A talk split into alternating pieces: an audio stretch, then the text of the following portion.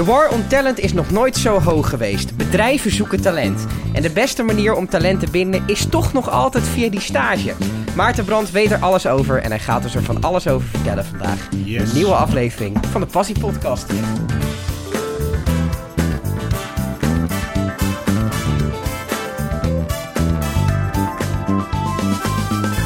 Maarten, goed dat je er bent. Ja, leuk om hier te zijn. Eh, is het, ik, ik noem dat even, even brutaal, maar is het zo dat, dat bedrijven toch via stages nog hun meeste medewerkers verkrijgen? Nou, het is in ieder geval wel de beste weg. Eh, je merkt dat een hele hoop bedrijven nog steeds die goede route weten te vinden. Ja. Ehm, en dat ze dus heel graag ook met die studenten werken. Mhm. Het is alleen wel afhankelijk van hoe je als bedrijf daarmee omgaat. Of die mensen ook dan vervolgens bij jou blijven hangen. Waarom, waarom is er zo veel vraag naar talent nu? Ja, er is altijd al wel vraag naar talent. Ja. Eh, er zijn nu twee dingen die ehm, de huidige omstandigheden in de arbeidsmarkt wil uniek maken. En dat je en is dat je eh, ten eerste te maken hebt met een eh, toenemende vergrijzing. Ja. Er worden gewoon steeds minder kinderen geboren. Daar zijn we met z'n allen schuldig aan. Ehm, dus werk er harder aan, zou ik zeggen. helemaal, geen, helemaal geen, geen straf. Ehm, maar eh, er, er, komen, er komen er steeds minder kinderen bij. Terwijl de gemiddelde leeftijd van de arbeidsbevolking steeds hoger wordt. Ja. En dat betekent dus ook dat er eh, steeds minder mensen straks deel uitmaken van die arbeidsmarkt. Ja. Want het percentage eh gepensioneerden ten opzichte van het percentage mensen dat het geld moet verdienen voor die gepensioneerden, dat neemt af. Dus dat is een arbeidsmarktding. Uh-huh. De tweede gaat de economie momenteel door het dak. Ja. Dus iedereen die wil wanhopig nieuwe mensen vinden ergens en die weet niet waar hij het zoeken moet. Mhm. En dat merk je ook op de stagemarkt. Ja. Je merkt duidelijk dat die arbeidsmarkt, dat die war eh for talent Mhm. en de war on talent, dat is heel wat anders. Dat is oorlog tegen talent. Oh, Ik wil niet sorry. weten hoe bloederig dat misschien is, maar dat kost je mensen in plaats van dat het je oplevert misschien. Ehm, die war for talent, die, eh, die verplaatst zich duidelijk naar de schoolbanken Ja. momenteel. Dus je ziet dat bedrijven bezig zijn met mensen vanaf hun stage al binnenhalen. Ja, En zijn daar bepaalde sectoren die, daar echt, eh, die, die je daar echt heel erg in ziet? Ja, je merkt heel duidelijk dat het in de, ehm, de, eh, de wat jongere hè, Mhm. sectoren, dat daar het, het lukt. Mhm. Hè, denk dan bijvoorbeeld aan de ICT, Mhm. hè, de, de start-up wereld. Die, drijf, die zijn vaak ook jong, die drijven op jonge mensen. Dus daar loopt dat goed. Hè. Dan merk je dat er ook op het moment dat er een goede relatie met school is, dat het vanzelf gaat lopen. Mhm.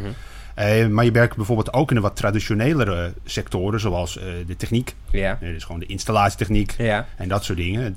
Timmermannen en zo. Nou ja, dat is misschien een slecht voorbeeld, want daar zijn er juist heel weinig van. Mhm. Maar in, in de installatietechniek merk je dat al in klas 2 of 3 van het MBO de slimme bedrijven, noem ik het dan maar, al eens gaan kijken van hé, hey, wie ben je, wat kun je? En zou je het niet leuk vinden als je bij ons komt stage lopen met het oog op?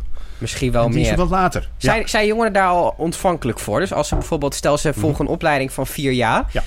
Ehm, wat je denk ik vaker ziet, is dat als iemand in het laatste jaar, het vierde jaar, een eindstage loopt bij een bedrijf, Ja. dat die daar blijft hangen dan als je in de eerste of de tweede een stage loopt en je nog een heel traject school Klopt. moet doorlopen. True. Ja, je merkt heel duidelijk dat jongeren, hè, die, die eh, opa vertelt, ik ben ook al 40, maar die, eh, jonge mensen, die, die, die denken niet aan een loopbaan straks Mhm. over het algemeen. Een uitzondering daar gelaten. Zeker niet als je, om het voorbeeld van het MBO bijvoorbeeld vasthouden, naar het MBO kijkt. Die willen nu een opleiding en dan kijken ze daarna wel wat ze gaan, doen, doen, of een baan ja. vinden.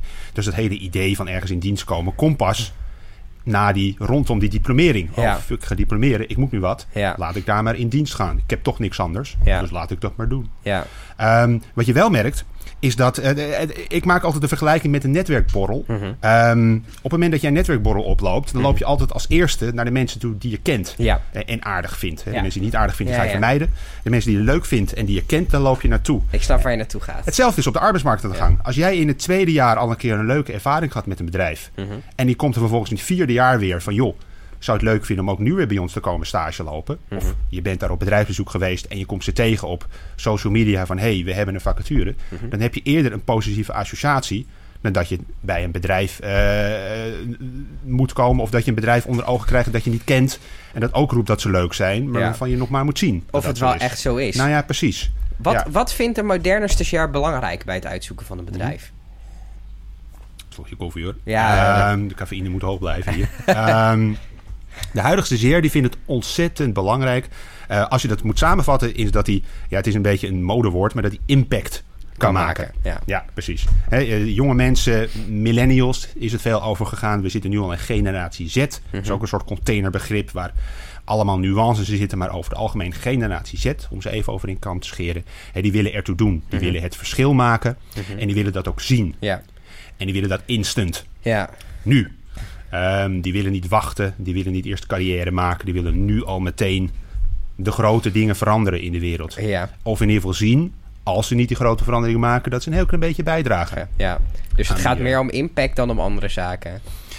Nou, het is wel grappig dat je dat zegt. Veel bedrijven die gaan bijvoorbeeld dan eh, op het moment dat ze geen stagiaires kunnen vinden, gaan dus een extra stagevergoeding bieden. Ja. Of allerlei andere benefits. Van joh, je Uh-huh. krijgt mooie spullen. Allemaal leuk, allemaal niet onbelangrijk. Maar ze geven er niet echt om. Het is secundair. Ja. Als je echt vraagt waar het om gaat, dan gaat het erom dat ze het verschil kunnen maken, zinvol werk kunnen doen en een betere wereld voor zichzelf. En, eh, Kan de iedereen zinvol werk doen? Ik mag het wel hopen, ja. Want zingeving, dat is een definitie die je zelf aan je werk geeft. Ja, maar is het, is het, zo dat, eh, is het niet zo dat er op dit moment een beetje een mismatch is tussen eh, wat jongeren voor zich zien Mhm. in de zin van de impact die ze kunnen maken en de daadwerkelijkheid? Want Ja. als ik het Ja. idee heb en ik kijk naar misschien twee, drie generaties geleden, Mhm. eh, dat dat woordje impact überhaupt nog niet zo heel erg bestond. Nee, nee, dan heet het gewoon zinvol werk doen, Ja. volgens mij. Ehm, nou ja, het, het, is, het is wel grappig dat je dat zegt, inderdaad. Ja, je merkt dat deze generatie, ehm, als ik ze opnieuw weer even over in kam scheer, ehm, heel erg is opgevoed met het idee: je kunt alles worden wat je wil. Ja. Hè? Zolang je maar niet ongelukkig bent, vinden wij het allemaal prima. Uh-huh.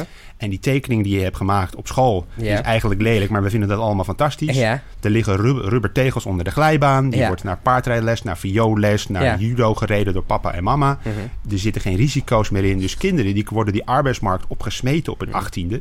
Met een soort, om het even als eh, gemiddelde te nemen, met een soort harde knip. Oké, nu ben je volwassen. Ja. Zoek er nu maar uit. En dan lopen ze ineens tegen een wereld aan waarin het allemaal niet zo vanzelfsprekend is. Nee. En waarin ze eigenlijk onderaan moeten beginnen. Terwijl ze altijd hadden gedacht van nou weet je, ik heb een mbo-opleiding afgerond. Ik mag nu op een hoog niveau meteen belangrijke dingen gaan doen. Ja. En dan kan het soms vies tegenvallen. Mhm.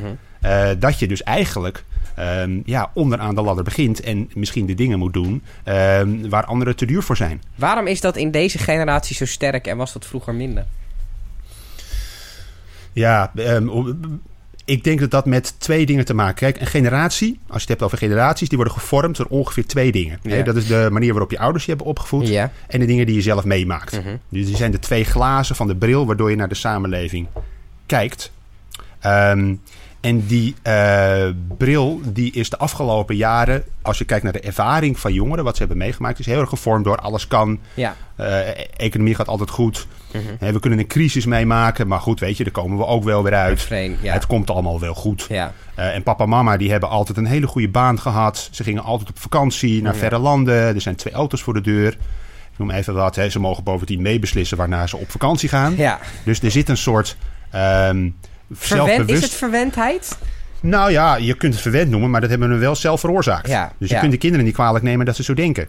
Ehm, je kunt wel zeggen dat de kinderen in een, omst, in een samenleving zijn opgegroeid... waar ze niet vaak geconfronteerd zijn met extreme tegenslag. Ja. In, in de regel, je hebt natuurlijk de onderkant van de samenleving die het wel heeft. Mhm. Of jongeren die door allerlei omstandigheden in de problemen zijn gekomen. Ja. Maar over het algemeen zijn jongeren ja, toch redelijk zorgeloos Door het- opgevoed. Ja. Ja, die tegenslag, nou ja, dat overkomt mij niet. Ja. Is, eh, als je gaat kijken naar MBO, HBO, universiteit.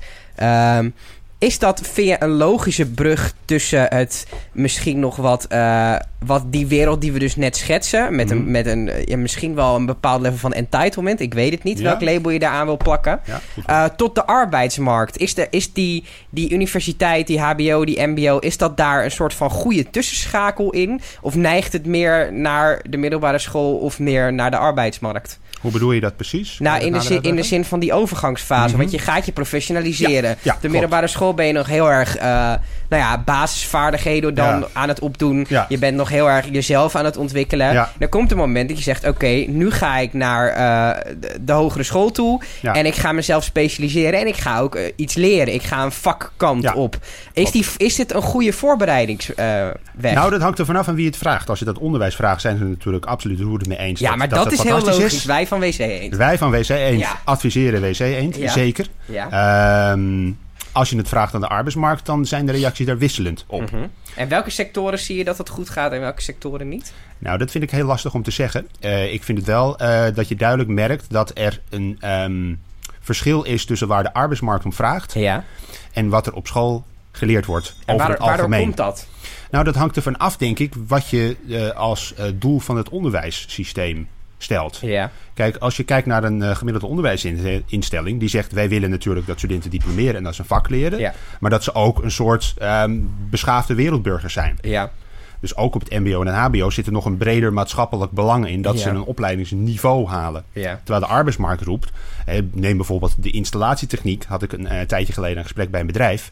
Eh, die zeiden van ja, weet je, eh, we moeten eigenlijk overnieuw beginnen als ze bij ons komen. Ja. Als ze een VMBO-klaar hebben, kunnen ze beter bij ons komen. Leren, wij, le- leren wij ze het vak wel. En dan hoef je, hoef je niet meer dat, dat Engels en dat ma- maatschappijleer en al die andere dingen te doen. Ja. Dus je merkt dat de arbeidsmarkt andere verwachtingen heeft van het beroepsonderwijs. Mhm. Het heet natuurlijk ook beroepsonderwijs, dus Ja. het kan ook verwarrend werken. Ehm, dan dat het onderwijs dat zelf, eh, zich, de rol die het onderwijs zichzelf toebedeelt. Ik, ehm, ik moet nu even heel voorzichtig zijn. Oké. Eh, maar ik heb zelf eh, ooit een mediastudie gedaan. Welke? Media, informatie en communicatie op de Hogeschool van Amsterdam. Oké. En er is ooit iemand geweest binnen die opleiding, wiens naam ik niet ga noemen, want dat is niet netjes. Nee, Eh, mag wel. die tegen mij heeft gezegd: eh, binnen deze opleiding eh, moet je het vooral hebben van het feit dat je dankzij deze opleiding stage kan lopen bij een mediabedrijf en daar dus binnen kan komen. Ja. Want dat is in de mediawereld een beetje de grotere hurdle. Ja. Eh, maar het onderwijs aan zich zal je niet heel veel verder helpen. Oei, ja. Dat vond ik een heftige uitspraak. En dat was iemand vanuit het onderwijs, vanuit Zelf, de onderwijsinstelling zelf. Ja. goed. Ja, het is eh, bewust onbekwaam noemen we dat volgens ja, mij. Ja, maar moeten, moeten we daar als maatschappij... Ik weet niet, misschien dat... Kijk, Nou, ja, die mediaopleidingen staan natuurlijk altijd al wel een beetje ter discussie. Dat is bij in Holland hier natuurlijk ook zo geweest. Eh, met die, daar staat altijd wel een bepaalde discussie over van pretstudies. Je hoort dat misschien bij dingen als, eh als vrije tijdsmanagement, dat Mhm. soort opleidingen ook meer. Eh, dus ik weet niet of het representatief is voor het onderwijs. Maar het heeft mijn beeld van het onderwijs wel een beetje gevormd. Ja. Ja. Ehm, ja, wat kan ik daar nou voor zinnigs over zeggen? Ehm, ik herken het wel. Kijk, uiteindelijk als je een opleiding doet, dan gaat het er eh, uit, uiteindelijk om dat je een set basisvaardigheden hebt waarmee je onderaan de ladder kunt beginnen om een vak te leren. Ja. Je komt niet als een volleerd vakman, kom je Ja. er vanaf. Je hebt een aantal skills geleerd. Ja. Dus ik denk wel dat hij daarin gelijk heeft, misschien wat ongelukkig geformuleerd. Mhm. eh, dat hij zegt van ja, op het moment dat jij de media ingaat, dan gaat het voornamelijk om je netwerk en om Ja. je ervaring. Ja. Ja, jongen, dat gaan we jou hier niet leren. Nee. In bredere zin is het dus wel grappig. Ik las daar onlangs, je hebt een hoogleraar ehm, pedagogiek volgens mij. Ja. Dus een Deen, Knut Ja. Illeris, topnaam, Knut. Ehm, en die man die heeft een soort totaaltheorie over leren gemaakt. En hij zei daarin ook van, joh, eigenlijk is het grappig dat je de afgelopen 40, 50 jaar een verschuiving hebt gezien van het leren van eh, de werkplek Ja. naar de schoolbanken. Ja. De, de school heeft zich heel veel toegeëigend rondom dat leren. Ja. Dus ook bijvoorbeeld als het over stages gaat, eh, dan gaat het heel erg over wat de school wil. En de Mhm. eisen van de school en het lijstje van de school dat moet worden afgewerkt om een diploma te kunnen halen. Ja. Want dat is wat waard en daar krijgt de school ook geld voor. Ja. Terwijl je eigenlijk veel beter kan stellen van ja, maar dat leren gebeurt uiteindelijk op veel meer plekken. En eigenlijk met name in het werkveld. Merk je dat er bij die stagebedrijven een soort ergernis is voor de bagage die bij een stage komt kijken en die eigenlijk niks toevoegt aan het leerproces? Wat men op een stage doet. Nou, het is wel zo als ik met bedrijven praat die met studenten willen gaan werken, dan is het wel een goed gesprek wat we daarover met ze hebben van Ja. tevoren altijd. We waarschuwen ze ook van joh, je gaat nu met jong talent werken en dat Ja. is prachtig. Ja. Alleen het brengt ook wel een bepaalde last met zich mee. Niet alleen omdat die kids eh, iets moeten leren, Mhm. dus dat je ze daar bepaalde dingen moet overdragen en het ook goed moet kunnen. Ja. Maar ook dat de school allemaal eisen gaat stellen met Ja. mappen en handtekeningen en administraties. Zijn en het relevante dingen die, die leerlingen voor school moeten doen op hun stage? Eh, ja, want het leert ze wel een bepaalde denkwijze. Mhm. Eh, het leert ze reflecteren op hun eigen gedrag. Mhm. En het helpt ze in die zin om ook zichzelf te ontwikkelen tot beginnend beroepsprofessional, wat dan het doel is van een diploma. Eh, dus in die zin is het relevant. Ja.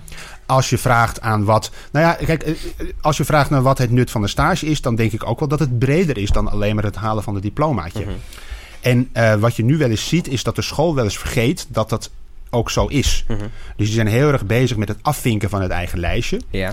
Eh, en die vinden het dan bijvoorbeeld minder relevant dat een student eh, leert dat het best wel hard werken is, vijf Ja. dagen in de week. Ja. S ochtends om acht uur zijn en dan om vijf uur al te horen krijgen: Goh, middagje vrij, ga je al naar huis. Ja. Ja. En dat kan nog wel eens tegenvallen. klinkt wel heel herkenbaar. In de media heb je dat nog wel eens natuurlijk, ook in andere sectoren. Nou ja, ik kwam vanuit mijn mediaopleiding na eh, drie parttime dagen tot vijf dagen van 9 uur s ochtends tot 9 uur s avonds. Ja, Dat is best een switch. oei. Ja, ja. Ja. dat doet dat. Ja, en dat krijg je inderdaad vanuit school. Krijg je, dat is nieuw. Ja, Ja, precies. En het staat ook nergens in een soort, eh, Nee. in een soort lijstje van dat ga je leren. nee. Dus Nee. nou ja, weet je, terwijl het wel een hele belangrijke ervaring is die Ja. je als student opdoet. Van goh, op het moment dat ik straks een baan heb, ja, dan is dat best wel even wennen. wat anders dan jezelf nog eens omdraaien omdat, het, omdat je het college ook wel kan missen. Ja, Ja, Ehm, als we teruggaan naar het verhaal over impact maken. Ja. Want dat is echt de nummer één op dit moment bij, bij studenten, Ja. wat ze willen bereiken. Ehm, nou ja, je zei in het begin van het verhaal eigenlijk al een beetje ehm, dat startups bijvoorbeeld zijn daar heel goed in om daarop Mhm. in te spelen. Maar eh, ik denk dat heel veel stageplekken ook bij gewoon grote corporates zijn. ja, de meeste. De meeste. Ja. Eh, hoe, Nou ja. hoe, hoe binden die die stagiair aan zich? Ja, nou ja, grote corporates. En je hebt natuurlijk ook gewoon MKB Nederland, wat nog Ja. altijd 80% van onze arbeidsmarkt is. Dus je hebt gewoon een hele hoop. Hè, we zitten hier op een bedrijventerrein in de Mhm. Waardepolder. Er zitten 1200 bedrijven volgens mij. Een hoop. En heel veel. Ja. De aantallen is lastig om dat vast te stellen. Hè. Daar veel discussie over, maar nou ja, heel veel. Mhm. En dat is merendeels dat MKB. En die werken heel vaak met stagiaires. Ja. En die vinden dat verschrikkelijk lastig, omdat het eigenlijk over het algemeen niet die eh, bedrijven zijn met het sexy imago Nee. van een start-up. Ja. Hè, en eh, en ehm, eh, die hebben niet die zitzakken. Nee. En die, eh, die, die, die, die fiets aan de muur hangen. En die Ja. hangplanten. En Ja. de sloophouten meubelen. Ja. Of OSB-plaat, zeg maar. Dat zijn gewoon... eh, ja, dat heb je hier natuurlijk ook. Dat zijn gewoon bureaus. Daar wordt gewoon gewerkt. Ja. En de vorm is wat minder belangrijk dan de inhoud. Ja. Dus dat wil nog wel eens lastig zijn in het concurreren met het beeld dat start-ups. Maar is het beeld wat start-ups creëren eh, ook een reëel beeld? Nou, en daar kom je op een hele leuke inderdaad. Ik denk dat daar twee dingen zijn die qua leereffect en gewoon in, voor, voor leerlingen en inhoudelijk ehm, in het nadeel van een start-up werken. Ja.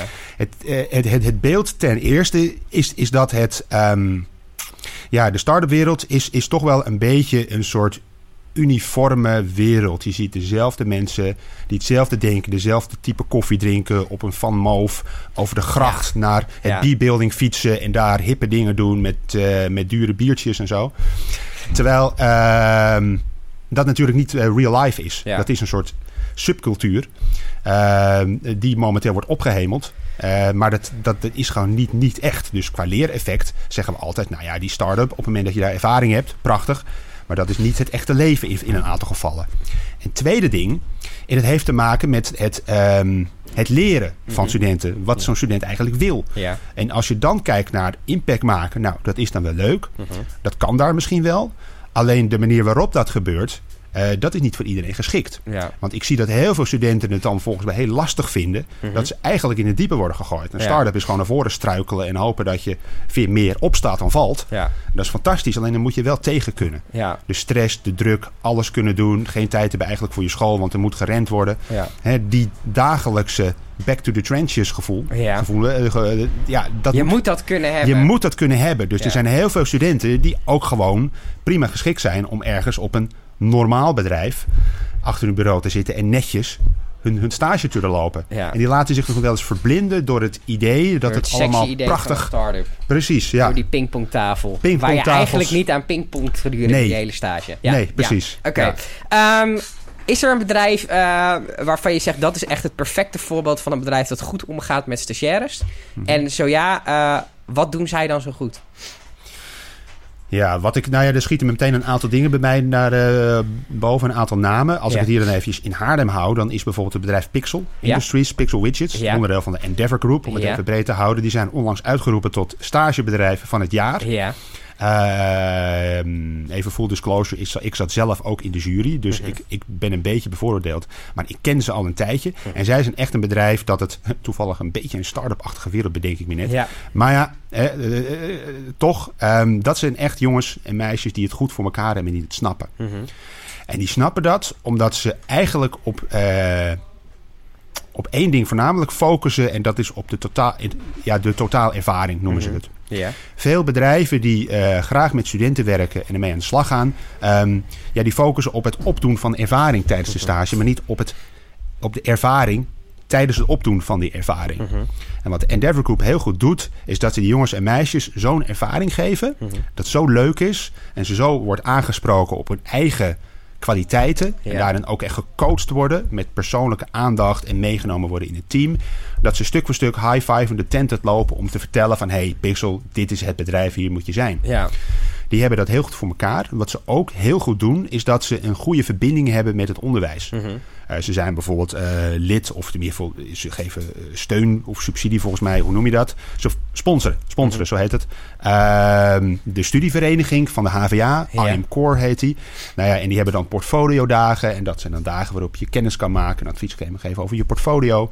En dat is voor hun ook een prachtige manier om die jongeren snel te bereiken. Ja. En dan heb je een prachtige, ik noem het maar een cyclus van een geweldige ervaring. Een goede exit waarin de student wordt echt wordt eh, betrokken bij... hey, op het moment dat jij een opvolger weet, help ons. En een goede wervingscampagne die ervoor zorgt dat ze eigenlijk continu in staat zijn... om studenten te blijven werven en fantastisch te begeleiden. Dus Ja. dat doen ze heel erg goed. Ja. Eh, is er in de toekomst, laten we het over 20 jaar zeggen, Ja. nog ruimte voor vaste contracten? Oei. Of zijn we dan al helemaal in gig-economie? Dat weet ik niet. Ehm, ik denk dat. Nou ja, wat je merkt is dat. ehm, ja, het, het hangt een beetje van de conjunctuur af, Mhm. denk ik. Ik denk op het moment dat de schaarste toeneemt.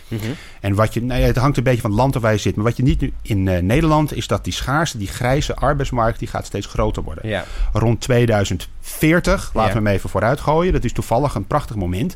Maar dat is het moment dat meer mensen in Nederland, volgens het CBS dan, ehm, na 65 zitten dan dat ze ervoor zitten. Dat is de pensioenleeftijd natuurlijk al lang opgeschoven. Maar hè, daar zitten er dus heel veel mensen thuis. En er zijn relatief weinig mensen op de arbeidsmarkt. Dat zou een situatie zijn waarin er juist meer vastigheid geboden wordt. Ja. Omdat het bedrijf de kandidaat is. Dat zijn ze nu al. Maar dat zijn ze straks hele, helemaal. Mhm. Tegelijkertijd zie je wat jonge mensen graag willen. Ja. Ehm, is dat je als je nu een 16-jarige vraagt, wat wil je?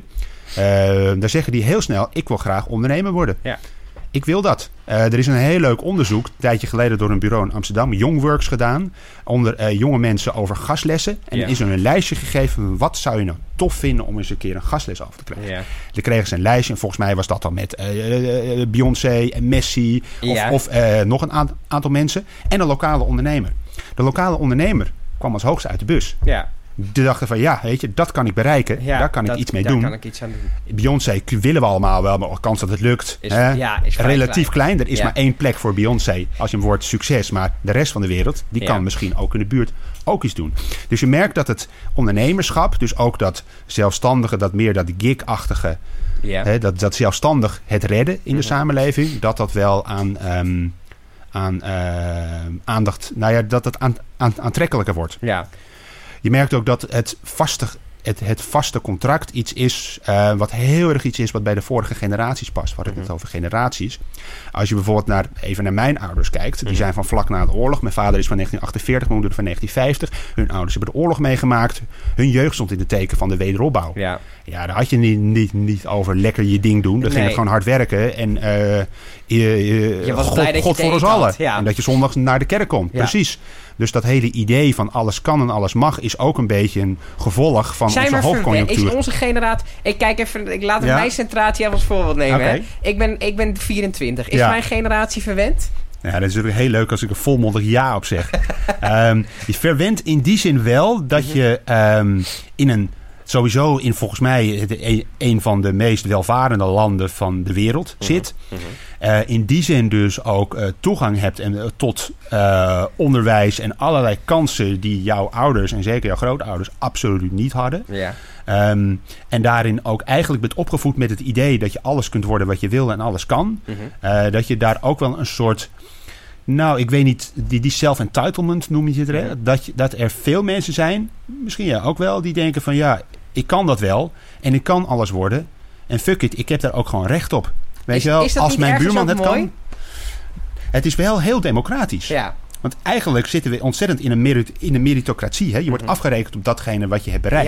Ja, Niet zozeer op het naam, naamkaartje op je corner office. Wat in de jaren tachtig heel hip Heel was. Die wilden allemaal de manager worden. Ja, Ja, nu denken jongeren, fuck wat er op jouw visitekaartje staat. Vertel maar eens wat je doet voor de samenleving. Dan geef ik jou respect, of niet? Dat is ergens toch ook wel mooi. Ik vind dat ergens wel mooi. Ja, Maar absoluut. het is ook mijn generatie. Het is jouw generatie, dus dat doe je heel goed inderdaad. Ja, zelfbevestiging. Ehm, dat is heel goed. Nou, ik denk dat dat heel erg goed is. Ehm, en, en in die zin verwend. Aan de andere kant ehm, levert het ook natuurlijk een enorme druk op. Ja, En Je merkt ook dat het aantal burn-outs en dergelijke onder jonge mensen heel groot Ja. is.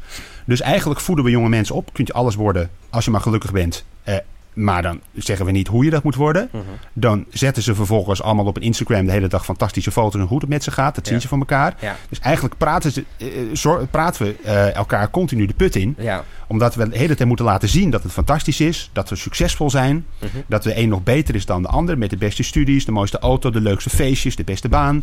Iedereen is ondernemer en entrepreneur tegenwoordig. Ja, Ehm, ja, maar ja, ondertussen weet je ook niet wat je wil. nee. En moet je dat ook maar zelf uitzoeken. maar. En Ja. hebben je ouders je niet goed geleerd hoe je daarmee om moet gaan? Is het voor innovatie goed dat, eh, dat, dat het wat meer kleinere eenmanszaken, kleinere bedrijfjes worden in plaats van grote corporates? Mhm. Want je ziet in alle sectoren eh, worden de grote bedrijven, stuk voor stuk worden ze gedisrupt door, Ja. eh, door kleinere bedrijven die, omdat ze die logge geschiedenis niet hebben, Mhm. Shit voor elkaar kunnen krijgen, Ja. nieuwe shit kunnen doen. Ja, precies. Ja. Ehm, ja, dat hangt er Laat ik hem al- Ja, ja, laat Raad jij studenten aan om te gaan ondernemen? Over het algemeen? Ja, ja, ja, zeker. Op het moment dat jij nu afgestudeerd bent en je weet niet goed wat je wil, ga het dan lekker zelf doen. Ja. Überhaupt je leeftijd Mhm, eh, en, en je verantwoordelijkheden. mhm. Ik ben een oude lul van 40, ik heb kinderen, ik heb een hypotheek. Ja. En, de, en, en een verzekering en zo. En zo. Om, op het moment dat je dat dan niet, niet hebt, dan is het echt een stuk makkelijker om te zeggen: Weet je, ik ga gewoon beginnen. Ik zie wel waar het, waar het Ja. schip strandt. Ja, Probeer het maar. ja, Zeker. ja. Besef je wel dat je daarmee een hoop dingen gaat leren. die je straks misschien wel een hele hoop gaan opleveren. maar die niet per definitie allemaal leuk zijn. Zijn. Want de weg omhoog is niet één grote stijgende lijn. Die gaat met pieken en dalen. Zie je dat er op opleidingen meer eh, wordt gericht op ondernemerschap? Ja, hier bijvoorbeeld als je Haarlem neemt, Mhm. eh, maar ook op andere plekken in Nederland, maar toevallig we zitten nu in Haarlem, heb je nu een heel leuk nieuw project, waar Ja. ik zelf ook aan de basis heb gestaan. Dat is Such, Mhm. de Startup Campus Haarlem, Ja. onderdeel van In Holland. En dat is het, eh, een soort hub waar alle opleidingen, Mhm. dat, zit ook, dat zit in het gebouwtje recht tegenover de hoofdingang van In Holland Haarlem, als je het Mhm. een beetje kent. Ehm, waarin jonge mensen kunnen kennismaken met het thema ondernemerschap of als ondernemer zijn, Ja. Dat ze er al kunnen beginnen. Want het is grappig, toen wij ermee bezig waren, ehm, werd er vanuit in Holland gezegd: ja, ondernemende studenten, die, die hebben we wel, maar zoveel zijn het er niet. Nee. Er bleken echt tientallen leerlingen te zijn die allemaal al een eigen bedrijf hadden. Hadden, ja. Er waren een paar die opvielen, Mhm. maar er zijn een hele hoop die hebben een eigen webshop, of Ja. die hebben een YouTube-kanaal, of Ja. die hebben iets anders waarmee ze zelf ondernemen. Ja. Alleen die moeten dat heel goed kunnen combineren met hun studie. Ja. En waar het dan vaak klem op loopt, want het wordt het wel geleverd door in, in Holland. Mhm. Maar waar ze nog veel meer op moeten focussen, volgens mij, is een beetje hetzelfde als, als je met de topsportregeling hebt. Ja. Als je naar de Olympische Spelen gaat, Ja. wordt er van alles van je geregeld. Als jij topondernemer wordt, ja, dan, Dan- moet je het zelf uitzoeken. Zoeken. Ja. Eh, Pieter Zwartjes, Wat de op zich wel weer past bij ondernemerschap. Je moet Zeker. het zelf regelen. Absoluut, je moet het zelf regelen. Alleen als jij als onderwijsinstelling, bijvoorbeeld hogeschool, maar ook andere instellingen, zegt wij willen ondernemerschap stimuleren, Mhm. dan moet je niet ehm, op het moment dat een bedrijf succesvol is, gaan zeggen van nou, nu wordt het wel tijd om te gaan kiezen of je studie of je bedrijf. Dan moet Ja. je zeggen als onderwijsinstelling, wat gaaf dat je bedrijf zo goed gaat. Ja. Wij gaan er samen voor zorgen dat jij en je studie kan afronden Ja. en je bedrijf tot een succes Ja. kan maken. Ik had er net, eh, begon net proberen het eh, over Pieter Zwartjes wat te zeggen. Voor Pieter Zwart, die eigenaar van Coolblue. Coolblue. Ja. Ja, dus Pieter Zwart volgens mij. Pieter Zwart, ja. Ja, Ja. die heeft zijn studie moet, moeten stoppen. ja. En die, die heeft, er- heeft er zelf nog steeds spijt van, heeft hij ooit gezegd. ja. Nou, al, he, al he- is er geen reden waarom hij een diploma zou moeten hebben. Nee, precies. Nee, ondernemerschap is niet iets wat je per definitie in een klas leert. Hè? Nee. Dat is per definitie iets wat je doet door meters te maken in de praktijk, door te doen. Alleen op het moment dat je gaat doen en je wil ook graag je diploma halen, hè, omdat het altijd fout gaat, is dat niet iets waar je op kan terugvallen. Ja. Om echt te laten zien, nee, je kan wel iets. Ja. Ja, weet je, dan, dan is het wel heel belangrijk dat de onderwijsinstelling daar nog beter Een op is ingesteld. mee helpt. Ja. Jij hebt een boek geschreven. ja, dat klopt inderdaad. Ja. Ik laat het even zien voor de webcam. Ja. het is, een grote stageboek voor werkgevers. ja. Alles over het vinden en binden van talent. Het allereerste managementboek over stagebegeleiding. Mhm. Eh, en daarmee ook het best verkochte. Vind ik leuk om erbij te zeggen. En eh, ge- eh, gen- genomineerd als managementboek van het jaar, afgelopen jaar. Tof. En wat ik met dit boek eigenlijk probeer te doen, is eh één centrale vraag beantwoorden die ik continu in de 20 jaar dat ik nu in het grijze vlak tussen onderwijs en bedrijfsleven zit. Als ik alles meetel wat ik heb gedaan, keer op keer terugkom, terug zie komen. En dat is dat bedrijven heel graag met studenten werken, Mhm. maar daarin te veel focussen op het, op het wat. Mhm. Dus heel erg focussen op ik krijg iemand in huis, ik ga hem of haar het vak bijbrengen en de rest dat zien we wel. Mhm. Terwijl het succes altijd ligt in het hoe, Ja, hoe je dat doet. ja. En met dit boek hoop ik dat ik bedrijven een structuur geef, een aantal tips en achtergronden, verhalen van andere bedrijven die ervoor zorgen dat zij dat hoe nog beter kunnen gaan doen. Wat is de leukste stage die je zelf ooit hebt gelopen? Ehm, nou, ik, ik, heb, eh, ik heb een aantal stages gedaan. Ik heb personeel en arbeid gestudeerd, wat toen nog Hogeschool Haarlem heette. Ja. Ehm, eh, ik, heb een stage gelopen bij een aantal dingen. En eigenlijk vond ik ze alle drie niet zo heel erg leuk. Mhm. Ehm, als mensen luisteren die me ooit nog hebben stage begeleid. Sorry sorry about that. Het heeft me wel een hoop geleerd, dat Ja. wel. Ehm, maar als ik zeg wat ik het leukste vond, ik mijn afstudeeropdracht. Dat was bij KPN. Ja. En dan schreef ik een review van het Management Development programma. Ja. Is een soort top 500 van high potentials, Mhm. heette dat toen al. Dat was eh, begin deze eeuw, 2000 was dat. 2001. Ehm, en eh, de- toen heb ik gesproken met een hele hoop van die mensen die daar in dat programma zaten. En de managers over hoe ze dat nou vonden en wat ze leuker vonden. Mhm. Dat was fantastisch, omdat ik eigenlijk een soort carte blanche kreeg. Ja. Wij willen dit weten. Succes ermee. Als, als je onze steun nodig hebt, fantastisch. Ja. Ach- Achteraf was dat een hele leuke tijd, hoewel ik wel heel erg heb gezwommen. Want dat loslaten was wel heel erg Mhm. Ja. van, joh... Maar het- blijkbaar, ja. ga- blijkbaar werkte dat voor jou dus wel heel goed. Nou, ehm, ik, heb de, ik, ik ben niet altijd met evenveel plezier naar mijn stage gegaan. Ja, ik ja. heb ook niet het beste rapport daardoor geschreven. Ja. Eh, ik had er volgens mij een zeventje Ja. voor. Moi. Ik denk dat ik er meer uit had kunnen halen op het moment dat zij meer tijd en aandacht aan mij hadden gegeven. Eh, en mij nog hadden geholpen in de worsteling met het vinden van een structuur en het vinden van mijn weg. Als je kijkt naar het leereffect, is het wel een steile leercurve geweest. In de zin van, hé, hey, ik moet dit zelf gaan regelen. Ehm, hoe ga ik dit voor elkaar krijgen? ja. Dus het heeft wel effect gehad. Zeker wel. Ja. Wil, je- wil je impact maken? Ik wil graag zinvol werk doen. Wil je, Zeker. wil je impact maken? Met het boek, ja, oké, dat is een goede vraag te horen. Nou ja, impact maken met het boek zeker. Omdat ik echt geloof dat, dat er het heel veel bedrijven zijn in Nederland die ontzettend veel kansen laten liggen op het moment dat het gaat Ja. over de werken met jong talent. En iedereen die wil die jongeren, die wil die van die schoolbanken af, wil die zijn bedrijf intrekken. Mhm. En met dit boek en met andere dingen die ik doe, hoop ik dat ik bedrijven help. Dat je die impact maakt. Precies. Dus eigenlijk, eigenlijk, eigenlijk hoor je perfect bij mijn generatie. Uiteindelijk probeer ik, ja precies, ben ik eh, bijna een oudere jongen aan het worden inderdaad. Ja, dat klopt. Ja, jong van geest. Dankjewel voor het leuke gesprek. Oké, nou heel graag gedaan.